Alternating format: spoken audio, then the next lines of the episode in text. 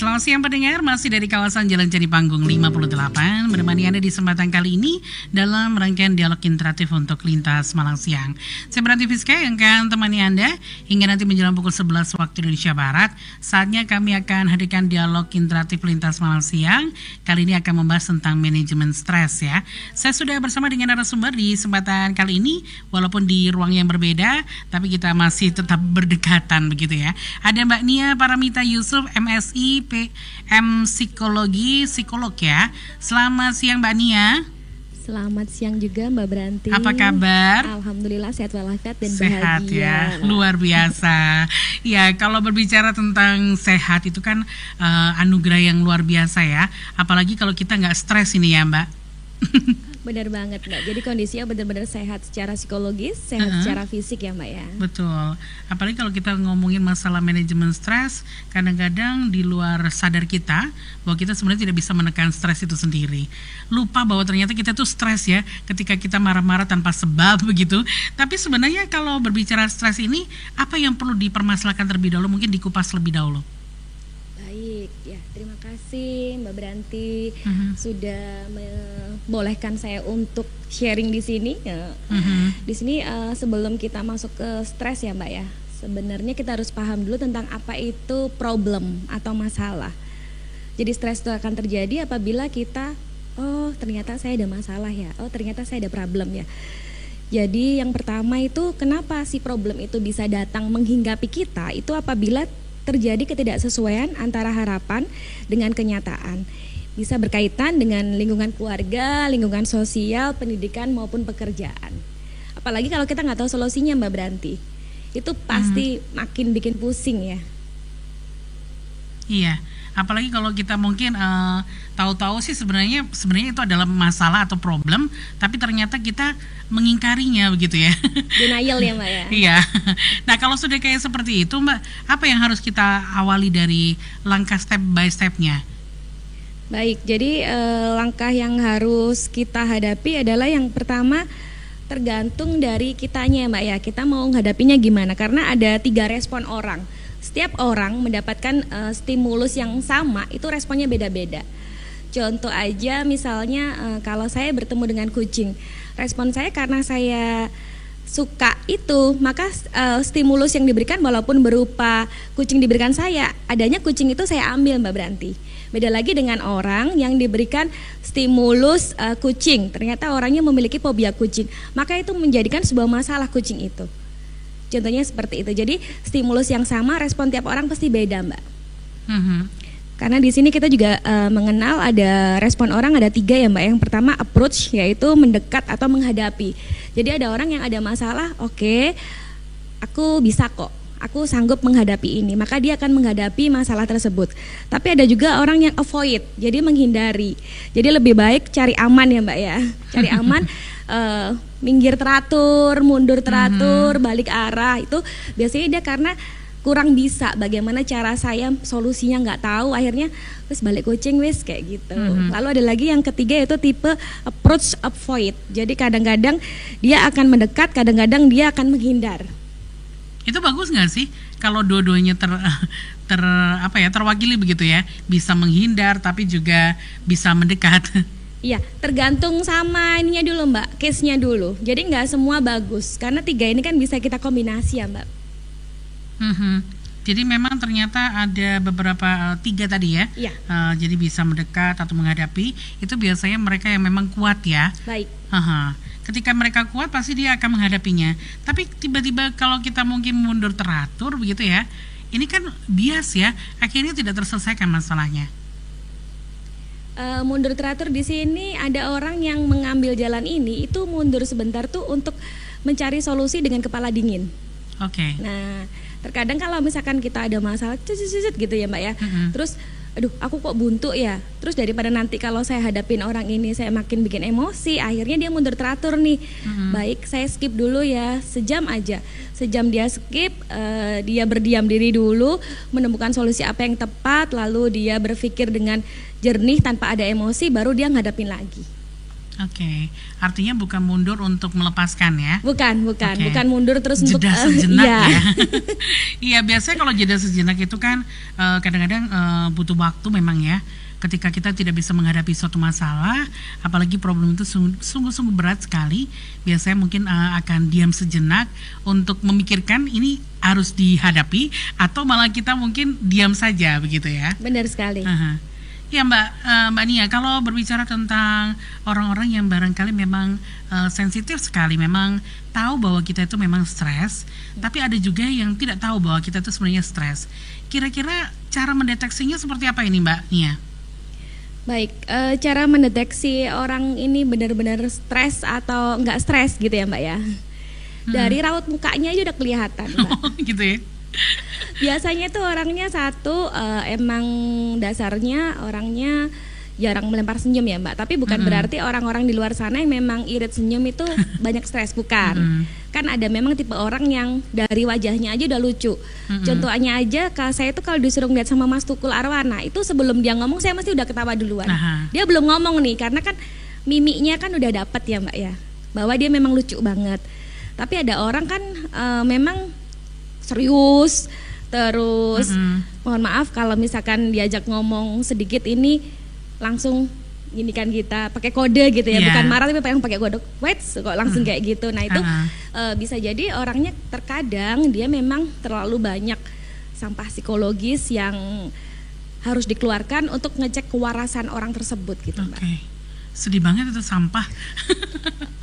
sampah psikologis ya. Mungkin bisa dijelaskan juga ini, sampah psikologis ini yang berat atau ringan?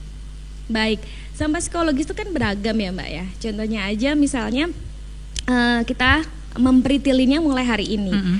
Pagi ini tadi misalnya tadi ketemu sama Melijo yang ke Mm-mm. rumah ternyata dia lupa tuh sama pesanan saya. Saya udah Mm-mm. bilang pokoknya besok kalau beli udang harus dikupas dulu ya. Saya nggak mau Mm-mm. pakai ini, pakai uh, kulitnya biar saya nggak ribet. Ternyata dia datang dibawain sih udangnya tapi belum dikupas. Itu kita udah jengkel. Kan kemarin aku udah pesen nih dibawain apa namanya cabai besar. Kenapa ada cabai besar warna hijau? Saya Mm-mm. minta kan warna merah. Udah jengkel lagi. Mm-mm. Jadi Numpuk terkadang, ya? ya ini ini masih tadi pagi ya mbak ya. Iya. Belum lagi nanti kita sampai malam. Nah kalau dari pagi mood kita udah jelek, biasanya nih dan saya jamin sampai malam biasanya jelek. Karena mood pagi itu mengaruh banget ke sampai malam. Oke. Jadi sebenarnya kita harus menata dari pagi ya. Iya. Mood kita harus dijaga Dari bagus kita melek pagi, pagi tuh Ah. melek langsung, oke mood saya Oke, bagus mhm. nih. Kita berikan trigger, kita berikan sugesti, kita positive thinking mulai dari pagi. Jadi apa pun yang terjadi, mau jalan macet, mau si Melijo pesenannya nggak jelas juga kita, Mhm. oh kan bisa dimasak yang lain. Ya. Tetap semangat gitu ya. Iya. Walaupun mungkin ada banyak rintangan dan juga mungkin banyak penghalang tadi ya bahwa ternyata ini bikin sebel sebel sebel Iya. tapi jadi semangat terus. Ya, Mbak Nia, kalau tadi eh, bisa dikatakan ada sampah psikologis ini, kalau ketika sangat menumpuk, apakah juga tidak bisa menjadi depresi nih? Iya, nanti ngarahnya dari sampah psikologis yang terlalu banyak itu kan yang ringan dulu kan stres ya Mbak ya. Stres lalu kalau stres terlalu berlebihan bisa sampai ke depresi. Kalau orang depresi ini kan udah ciri-cirinya malas mandi, Oh, malas ganti baju, Mhm. eh, sudah mengganti siklus dari yang biasanya tidurnya itu malam jadi tidurnya pagi kayak lelawar. Tapi bukan untuk profesi-profesi yang memang pekerjaannya harus shift malam ya. Kayak perawat, dokter, security itu kan memang ada shift malam, bukan yang itu maksud saya. Lalu eh, biasanya kalau sama teman udah mulai menarik diri. Nah, itu dah ciri-ciri mengarah ke sana. Mhm. Jadi dia yang tadinya punya lingkungan organisasi banyak, lingkungan pertemanan banyak, lalu dia menutup diri, wah aku nggak mau ketemu siapa pun deh karena aku mau sendiri aja. Itu udah Mhm. harap warning. Mhm. Tapi kadang-kadang ada masanya ketika kita mungkin biasanya dulu sering kumpul-kumpul nih sama teman, tapi tiba-tiba tadi seperti Mbak Dia bilang menarik diri, kadang-kadang ada rasanya me time banget tuh kita nggak kumpul sama teman-teman. Apakah itu juga menjadi tanda-tanda bahwa kita sudah mulai stres ya? Bukan, jadi orang dikatakan depresi itu nggak cuma dari satu respon aja mbak, ada Mhm. banyak itemnya. Jadi nggak bisa langsung kita menjudge orang itu, oh kamu depresi, cuman karena dia nggak menarik diri dari temannya, bukan. Hmm. Kita cek gimana tidurnya, dia apakah dia insomnia atau hipersomnia, jadi nggak bisa tidur atau kebanyakan tidur. Biasanya kalau teman-teman awam tuh nggak maunya hibernasi. Oh iya. Nah itu. Baik. Bahasanya ya. begitu. Mbak Nia, mungkin ada barangkali yang bisa dijabarkan juga nih terkait juga dengan manajemen stres ini. Uh, ada nggak sih masalah yang mungkin uh, bisa kita hadapi begitu ya? Uh, ini juga bisa menjadi tekanan atau barangkali ini juga mungkin kita harus mengeluar keluar dari uh, tekanan ini sendiri. Oke Mbak, jadi sebelumnya Mbak Beranti saya akan menjelaskan stres itu kan dibagi jadi dua ya Mbak ya. Mm-hmm. Di sini ada eustress dan distress. Eustress sendiri itu berarti bahwa stres yang membangun atau membuat orang semakin produktif. Contohnya misalkan saya diberi tugas dari pimpinan saya atau dosen saya sehingga saya sangat teliti dan objektif. Lalu pada saat deadline-nya saya mengumpulkan tugas tersebut dengan luar biasa hasilnya. Ada lagi di stres, yaitu stres yang merusak atau stres yang membuat seseorang tidak produktif, menyalahkan diri sendiri, menyalahkan keadaan, menyalahkan orang lain. Dan itu biasanya stres yang tidak bagus. Mm -hmm sedih banget ini ya kalau mendengarkan ternyata banyak uh, ragamnya begitu ya. Ada stres yang membangun tapi ada juga stres yang ternyata bisa merusak. Ketika kita bisa membangun mungkin ini ada uh, bisa memproduktifkan seseorang. Tapi ketika uh, ini sudah melanda beberapa orang yang biasanya stres karena pekerjaan ini mbak Nia apalagi mungkin uh, menumpuk menumpuk lagi. Belum selesai tugasnya ditambah lagi sama atasan. Kemudian lagi atasan sudah memberikan tugas ternyata tugas yang awal masih belum kelar. Ini juga bisa menjadi stres kan mbak?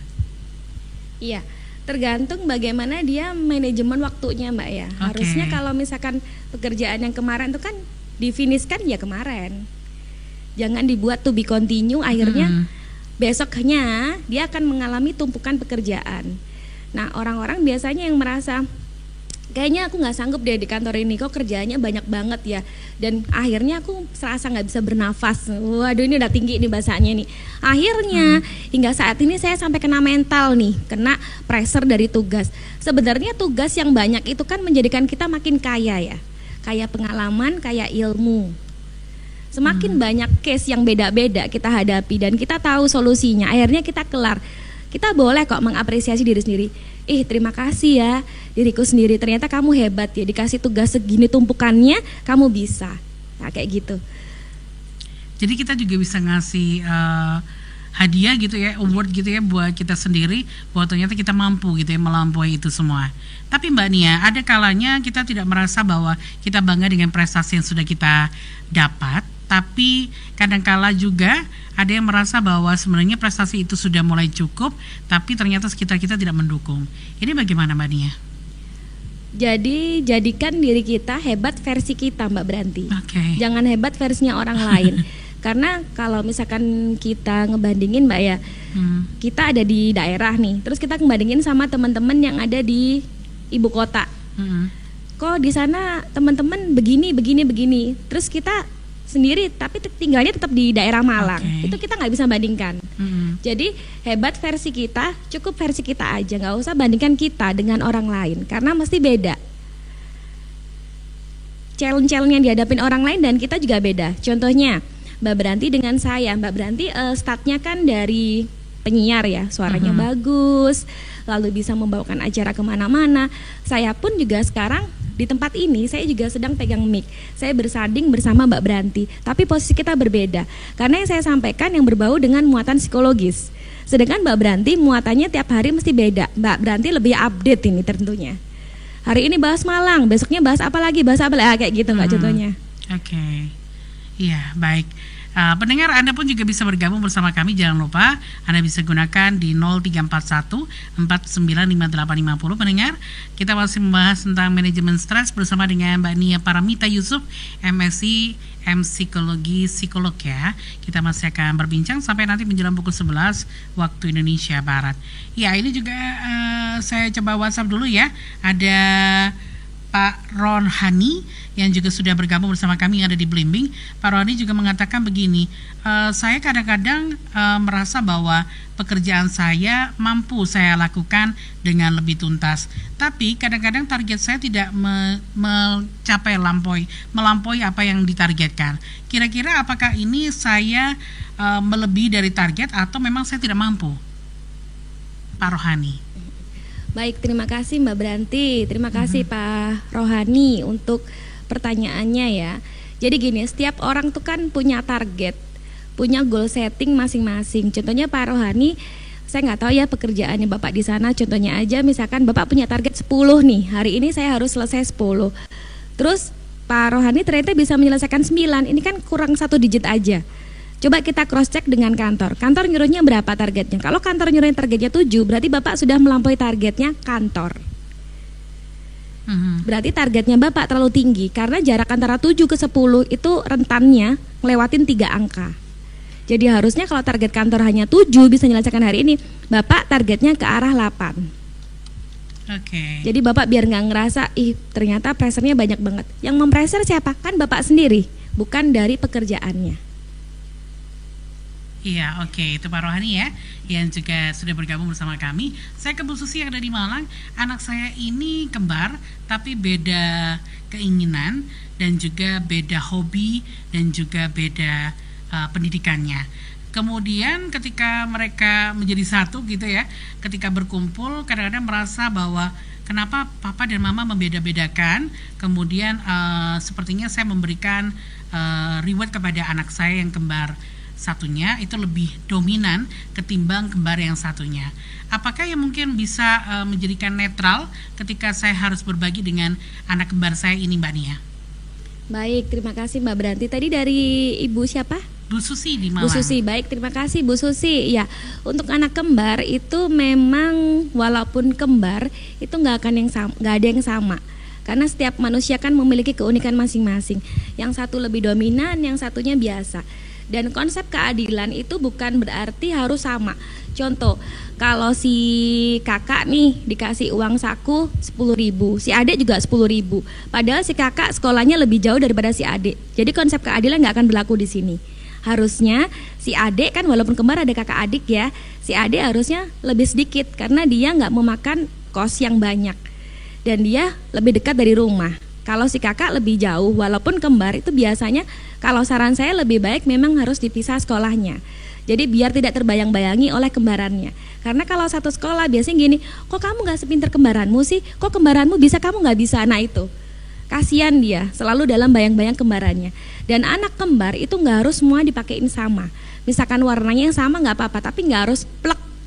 Contoh, si kakak pakai baju merah, si adik merah, tapi motifnya beda, modelnya beda, monggo. Tapi hmm. kalau plek sama dari atas sampai bawah, sepatunya sama merahnya sama, akhirnya orang bingung, kok kayaknya nggak ada unik-uniknya ya, anak dua mah sama aja gitu. hmm Karena biasanya tahu anak kembar tuh ya hanya orang tuanya. Yeah. Saya sendiri punya teman kembar tuh saya sampai bingung karena samaan terus sampai gede. hmm Gak ada ciri khas tertentu. Terus dia bilang kan beda, saya ada tai lalatnya kakak. Terus mau aku suruh ngecek pipimu gitu. Nah akhirnya saya tanya gitu kan nggak bisa. Yeah. Kalau jalan kan mana kelihatan tai lalatnya. Okay. Akhirnya kita nggak tahu pembedanya. Hmm. Iya. Jadi sebaiknya harus dibedakan ya. Harus dibedakan. Misalkan kalau yang dominan tadi lebih suka berambut panjang, contoh si Ade sukanya rambutnya pendek, ya monggo nggak apa-apa. Jadi nggak harus si kembar tuh harus sama. Di perut sama, masa lahir harus sama sih? Mm -mm. Gitu. Iya, baik itu. Uh Bu Susi ya yang dari Malang. Saya ke penelpon dulu yang sudah bergabung. Selamat siang. Selamat siang Mbak Prendin. Oke, okay. waduh ketemu lagi nih dengan Pak Irwan. Silakan ya. Pak Irwan. Ya, assalamualaikum Ibu narasumber. Waalaikumsalam warahmatullahi wabarakatuh Pak Irwan. Saya ini dari daerahnya Pak Baridwan Kamil Jawa Barat. Mm -hmm. Masya Allah. Dari Bandung. dari Bandung bisa mendengarkan kita. Ya, Silakan Pak Irwan. Iya tentang masalah uh, pekerjaan kan, terkait itu kan tergantung selera dan menurut kecocokan masing-masing. Seperti begini saya Bu, dalam profesi, ini pekerjaan, saya lebih lebih senang, itu lebih nyaman bekerja yang bersifatnya berkeringat dan melawan mat, listriknya matahari. Kotoko seperti begini, kalau saya kerja di, di sebuah kantor umpamanya, kan saya uh, aktif di pertanian lah di di di, di, di tugas di pertanian kan. Hmm. Jadi kalau misalkan kalau ke kantor cuman lapor tanda tangan. Tapi saya kalau misalkan kalau disuruh di kantor walaupun fasilitasnya fasilitasnya bersih ber AC apa pun juga itu misalkannya lah menang. Tetapi saya nggak nyaman. Tapi justru bu lebih nyaman eh, bekerja di luar yang yang pakaian lusuh menerapkan tariknya matahari berkeringat. Nah ini bagi secara psikologi ya, menurut ibu bagaimana? Saya memang tidak cocok dari banyak pekerjaan di satu tempat walaupun pekerjaan tekan itu fasilitasnya yang besar misalkan wah itu segala segala mewah. Tapi ternyata nggak nyaman. Tapi lebih nyaman melawan teriknya matahari. Nah makanya kepala kantor saya sudah tahu ke saya saya tidak bisa tidak mau ditempatkan lebih baik saya e, bertemu dengan bapak-bapak petani memberikan penyuluhan lah jujur sebagai PPL aja lah gitu kan. Terima kasih Bu mohon penjelasan. Baik Waalaikumsalam. Terima kasih Pak Irwan di Bandung. Silakan Mbak Nia. Baik, jadi gini Pak Irwan, uh, Pak Irwan adalah salah satu tipe orang yang kinestetik, Mbak. Kinestetik adalah dia selalu bisa mengaktifkan kalau misalkan dia banyak gerakan, banyak aktivitas yang dilakukan mengeluarkan keringat. Makanya kenapa Pak Irwan ini nggak nyaman kalau berada di ruangan yang ber AC karena kan ruang geraknya terbatas ya kanan kiri hmm. mentok jeduk kena komputer kanan kiri mentok jeduk kena kursinya temennya gitu.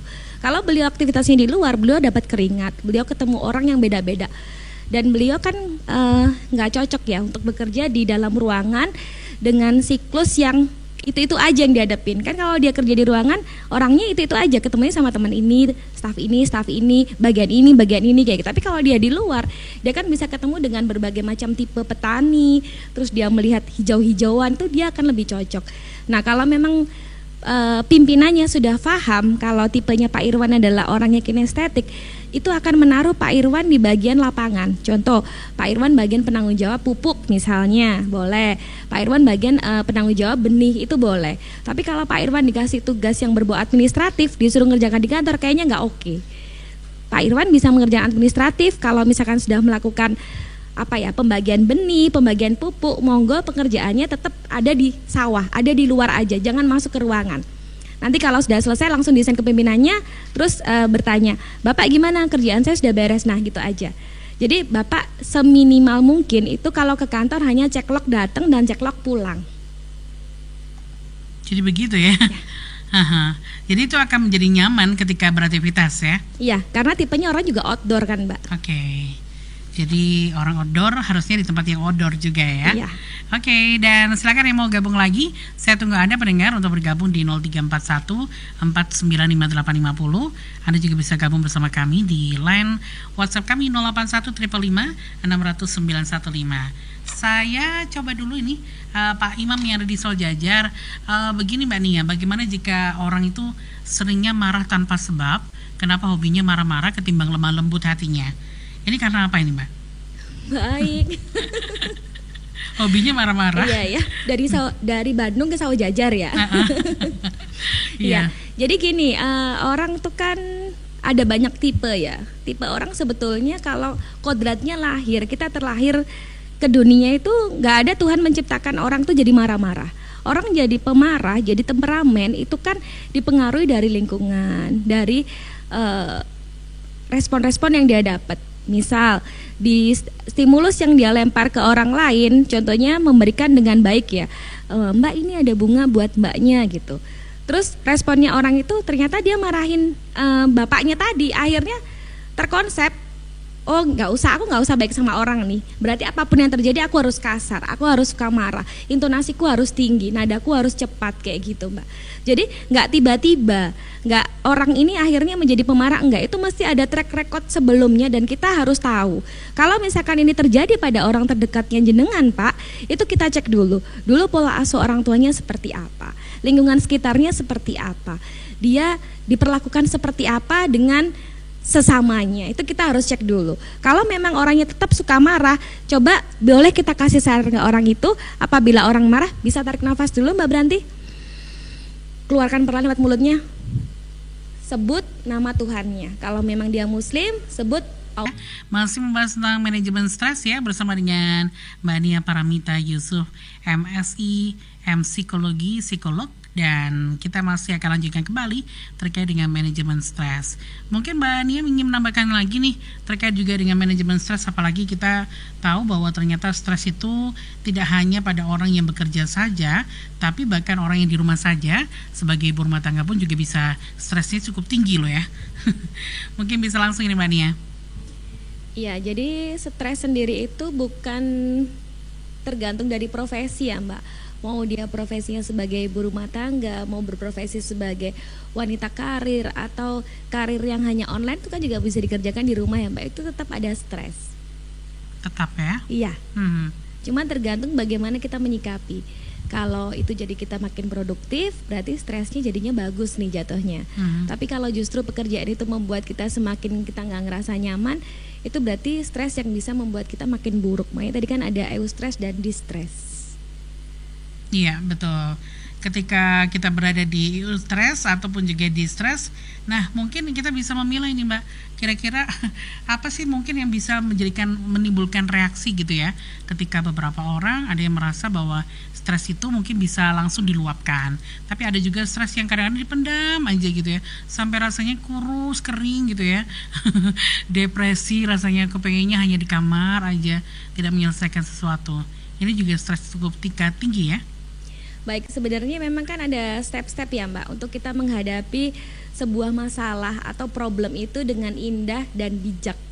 Jadi di sini saya akan membagikan ada enam step, yaitu yang pertama ada fokus on the solution, not the problem. Jadi kita fokusnya kepada apa sih problem solvingnya. Jadi bukan apa sih masalahnya, jangan. Semakin kita terfokus apa sih masalahnya, itu makin nggak ada jalan keluarnya. Buntu semua, ke kanan buntu, ke kiri buntu, ke depan buntu, ke belakang malah kejedot. Jadi benar-benar hmm. kita nggak akan uh, menghadapi apa ya solusinya ya karena kita fokusnya terhadap masalah. Lalu bisa juga uh, dengan cara kita mencari akar masalah dengan 5M. Contohnya gini, saya datang telat nih ke tempat kerja.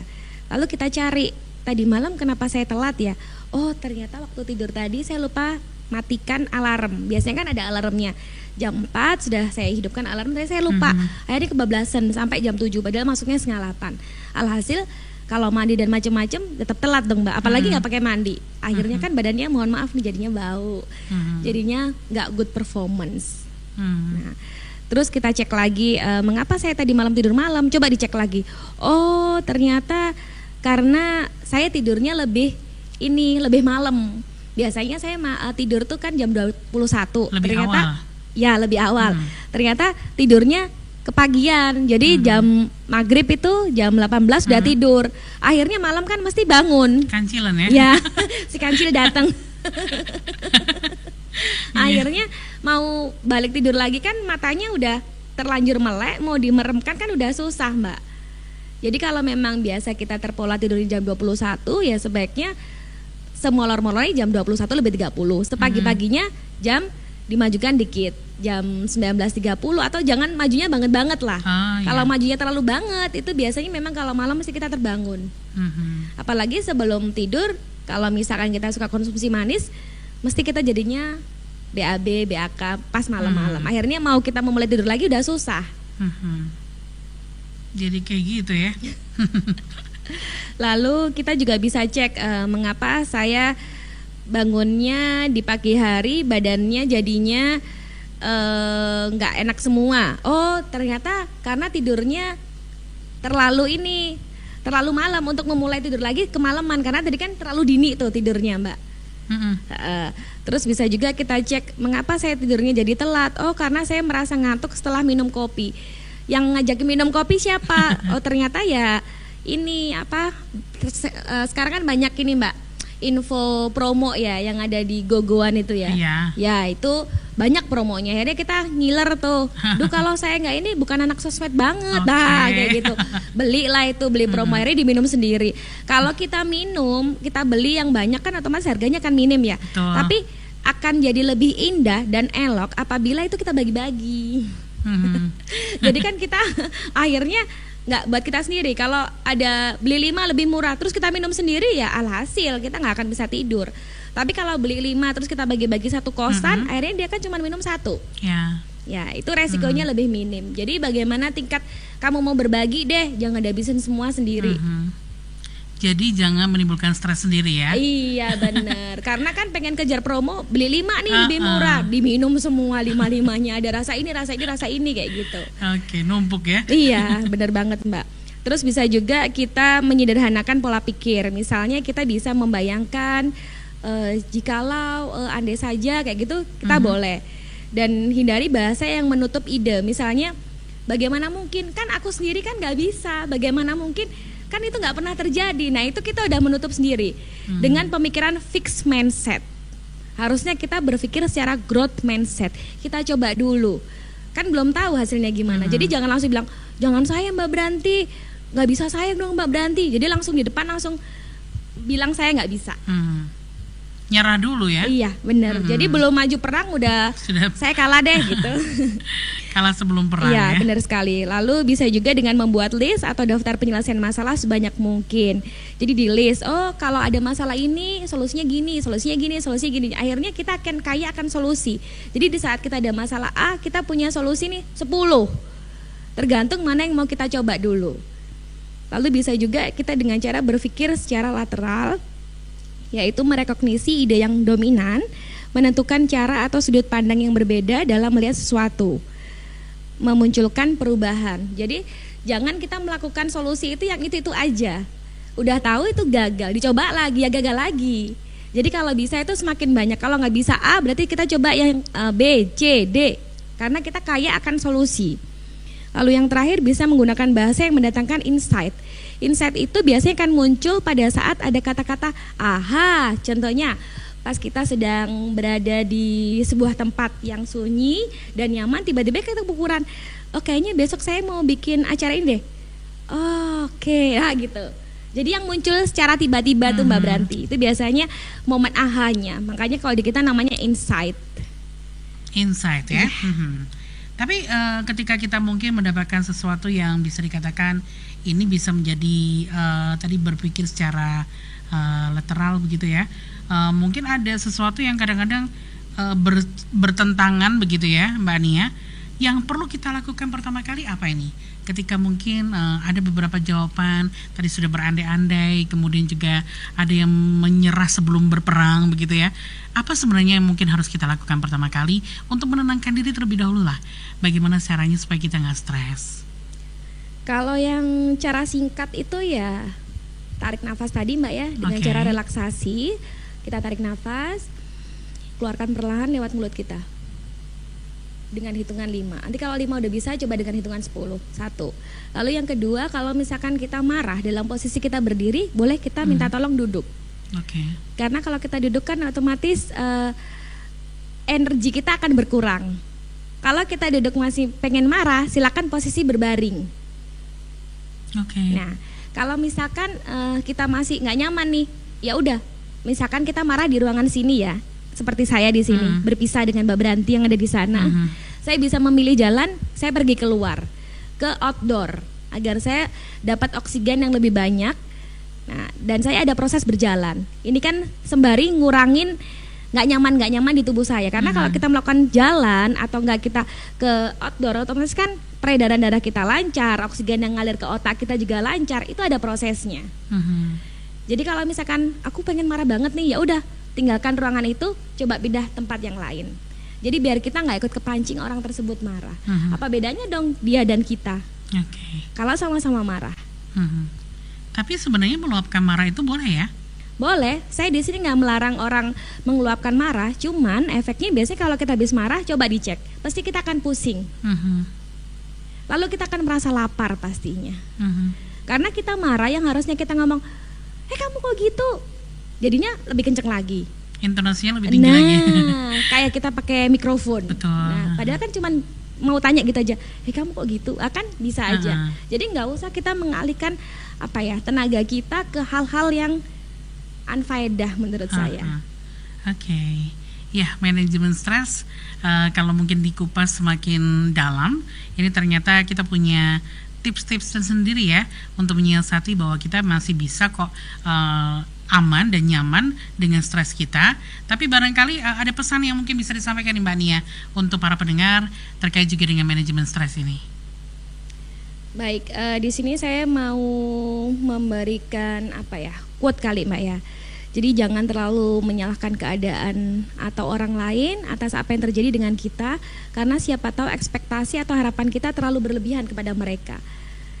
Jadi coba kita turunkan ekspektasi kita terhadap orang tersebut agar kita akhirnya nggak terjadi marah sama orang tersebut. Karena kan isi kepala kita dengan isi kepala orang lain itu kan beda-beda. Semua itu dilatar belakangi satu pengalamannya berbeda, dua untuk pendidikannya juga berbeda, tiga hmm. pola asuhnya berbeda, dan pengalaman tiap sehari harinya dia akan beda, nggak akan sama dengan kita. Lingkungannya hmm. juga berbeda. Jadi jangan salahkan orang lain kalau orang lain kok nggak bisa sih sepemikiran sama saya. Ya beda. Uh. Karena dari kecil kita kan udah beda. Hmm. Coba disampaikan dengan baik-baik, otomatis orang akan menerima dengan bijak. Tapi kalau kita nyampaikannya, mohon maaf nih Mbak, eh kamu kok goblok banget sih nggak bisa nah kita udah ngeluarkan pakai kata negatif ya yeah. orang lain akan kepancing dong mm -hmm. jadi jangan katakan hal yang buruk kalau kamu nggak bisa mendingan diam yeah. keluarkan dari mulut kamu yang baik-baik aja karena akan mental balik lagi ke kita itu adalah doa oke okay. baik Makasih Mbak Nia untuk kesempatan kali ini. Semoga nanti kita bisa jumpa lagi dalam kesempatan ya. Sama-sama Semoga manajemen stres ini juga bisa menjadi siasat buat kita, bisa manage stres kita dengan lebih aman dan juga nyaman. Terima kasih Mbak Nia. Terima kasih juga Mbak Branti. Terima kasih semuanya. Baik. Ya pendengar baru saja kita ikuti dialog interaktif untuk lintas Malang Siang di kesempatan kali ini dan sesaat lagi nanti juga kami akan segera bergabung mengikuti dinamika olahraga tepat pukul 11 waktu Indonesia Barat. Saya Branti Fiska mengucapkan terima kasih kebersamaan Anda. Selamat siang dan Assalamualaikum warahmatullahi wabarakatuh.